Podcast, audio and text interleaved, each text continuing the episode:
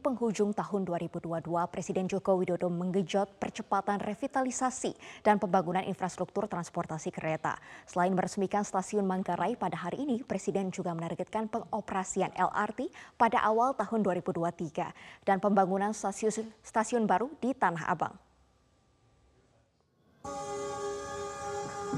Presiden Joko Widodo meresmikan pengembangan tahap pertama Stasiun Manggarai Jakarta. Revitalisasi tersebut merupakan bagian dari penyempurnaan infrastruktur perkeretaapian yang menjadi salah satu moda transportasi utama masyarakat. Stasiun Manggarai merupakan stasiun jarak dekat dengan lalu lintas kereta tersibuk di Indonesia. Revitalisasi tahap pertama Stasiun Manggarai telah dimulai sejak 2016 dengan fokus pada penambahan jalur dari semula 7 menjadi 14 jalur. Semua jalur tersebut ditujukan untuk melayani pemberhentian KRL tujuan Jakarta Kota, Tanah Abang, dan Cikarang. Pada revitalisasi stasiun Manggarai tahap kedua yang kini sudah berjalan difokuskan pada penambahan jalur guna melayani pergerakan kereta api jarak jauh. Revitalisasi tahap kedua ditargetkan selesai paling lambat tahun 2025.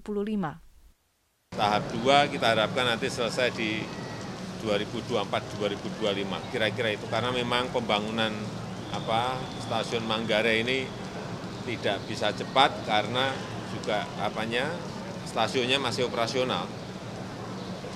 Kalau dimatikan kemudian langsung dibangun itu bisa lebih cepat. Ini hanya punya waktu sehari berapa jam? 4 jam, 4 jam. Hanya 4 jam waktu kerja kita. Dan tengah malam. Window time-nya hanya 4 jam dan di malam hari tengah malam. Itu apa uh, problem pembangunan di stasiun Manggarai. Dengan terintegrasinya semuanya nanti kita harapkan kecepatan, headway, eh, mobilitas eh, masyarakat bisa lebih cepat. Dalam kesempatan ini, Presiden Joko Widodo juga mencoba menumpang Light Rail Transit atau LRT melalui stasiun Manggarai. Pemerintah optimistis moda transportasi LRT akan beroperasi pada Juni 2023 mendatang. Progres pembangunan infrastruktur tersebut sudah mencapai 87 persen, adapun pengerjaan yang masih dilakukan meliputi pembuatan depo atau tempat parkir dan perawatan kereta.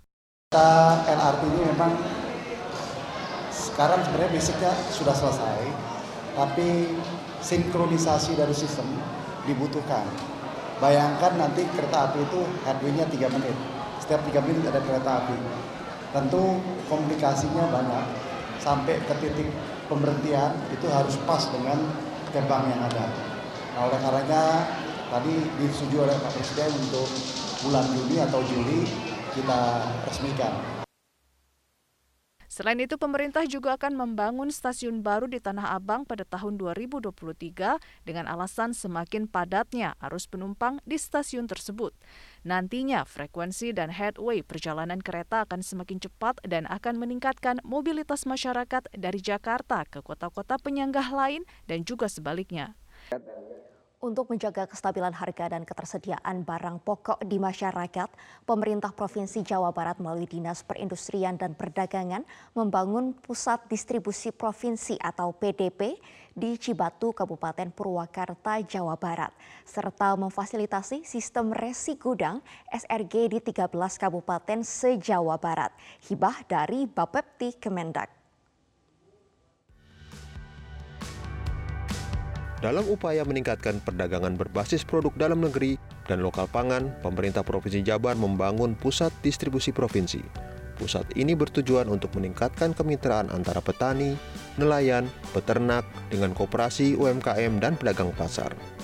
Pusat distribusi provinsi ini juga memfasilitasi sistem resi gudang yang sudah dikelola oleh 13 kabupaten di Jawa Barat. Sistem resi gudang dapat menjadi salah satu instrumen pengukuran dan pengukuran ketersediaan stok regional dan nasional, khususnya terkait bahan pangan pokok seperti beras, gabah, dan jagung. Kepala Dinas Perindustrian dan Perdagangan Provinsi Jawa Barat, Lendra Sofian mengatakan, dengan terbangunnya pusat distribusi Provinsi Jawa Barat ini bisa memotong mata rantai yang terlalu panjang juga menjamin kelancaran distribusi dan ketersediaan barang kebutuhan pokok seperti beras, minyak goreng, telur ayam, hingga ikan segar dan daging. Si provinsi yang merupakan tempat eh, apa, pengumpulan komoditas di Jawa Barat yang insya Allah akan mengendalikan inflasi di Jawa Barat. mudah-mudahan segera berfungsi dan memberikan manfaat bagi masyarakat Jawa Barat, khususnya dari sisi pangan.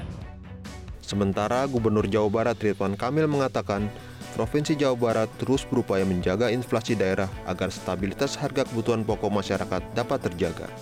Pemprov Jabar juga menjamin ketersediaan stok barang kebutuhan pokok pada momen hari besar keagamaan, yaitu Natal dan Tahun Baru 2023. Saya pantau kemarin kedua pasar masih aman terkendali kan?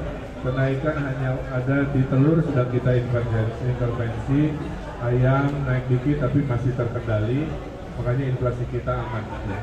Uh, jadi intinya itu karena kita ada bantuan BTP, bantuan tidak terduga untuk mengintervensi kenaikan pangan. Pusat distribusi provinsi yang dibangun Pemprov Jabar di Kabupaten Purwakarta ini nantinya juga akan menjadi pabrik pengemasan minyak goreng yang digagas PT Agro Jabar, BUMD milik pemerintah Provinsi Jawa Barat. Memasuki hari libur Natal dan Tahun Baru, harga sejumlah bahan pokok mengalami kenaikan. Salah satunya harga telur ayam yang semakin mahal di pasaran. Memasuki hari libur Natal dan Tahun Baru, harga sejumlah bahan pokok mengalami kenaikan. Salah satunya harga telur ayam yang semakin mahal di pasaran. Seperti di pasar tradisional Kota Bandung, Jawa Barat, harga telur ayam kembali naik mencapai Rp6.000 per kilogram. Kenaikan dialami sejak awal Desember 2022 lalu, sehingga menyebabkan penjualan menjadi menurun. Menurut salah satu pedagang di pasar tradisional Bandung, Jawa Barat, Rose, harga telur ayam saat ini mencapai Rp33.000 per kilogram. Dari yang sebelumnya dijual sekitar Rp27.000 per kilogram. Air tahun. Oh, air tahun. terlalu besar.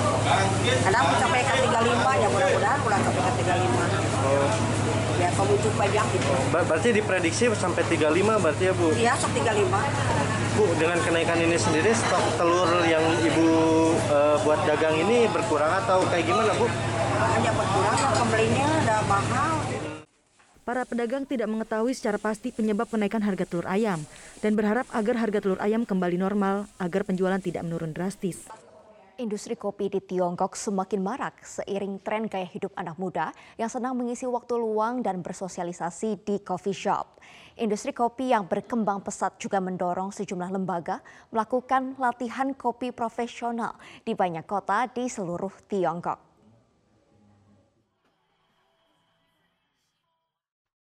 Aroma dan keharuman kopi yang bertebaran dari tiap kafe dan sudut-sudut jalan menjadi pilihan favorit banyak orang untuk mengisi waktu luang dan bersosialisasi bersama kerabat.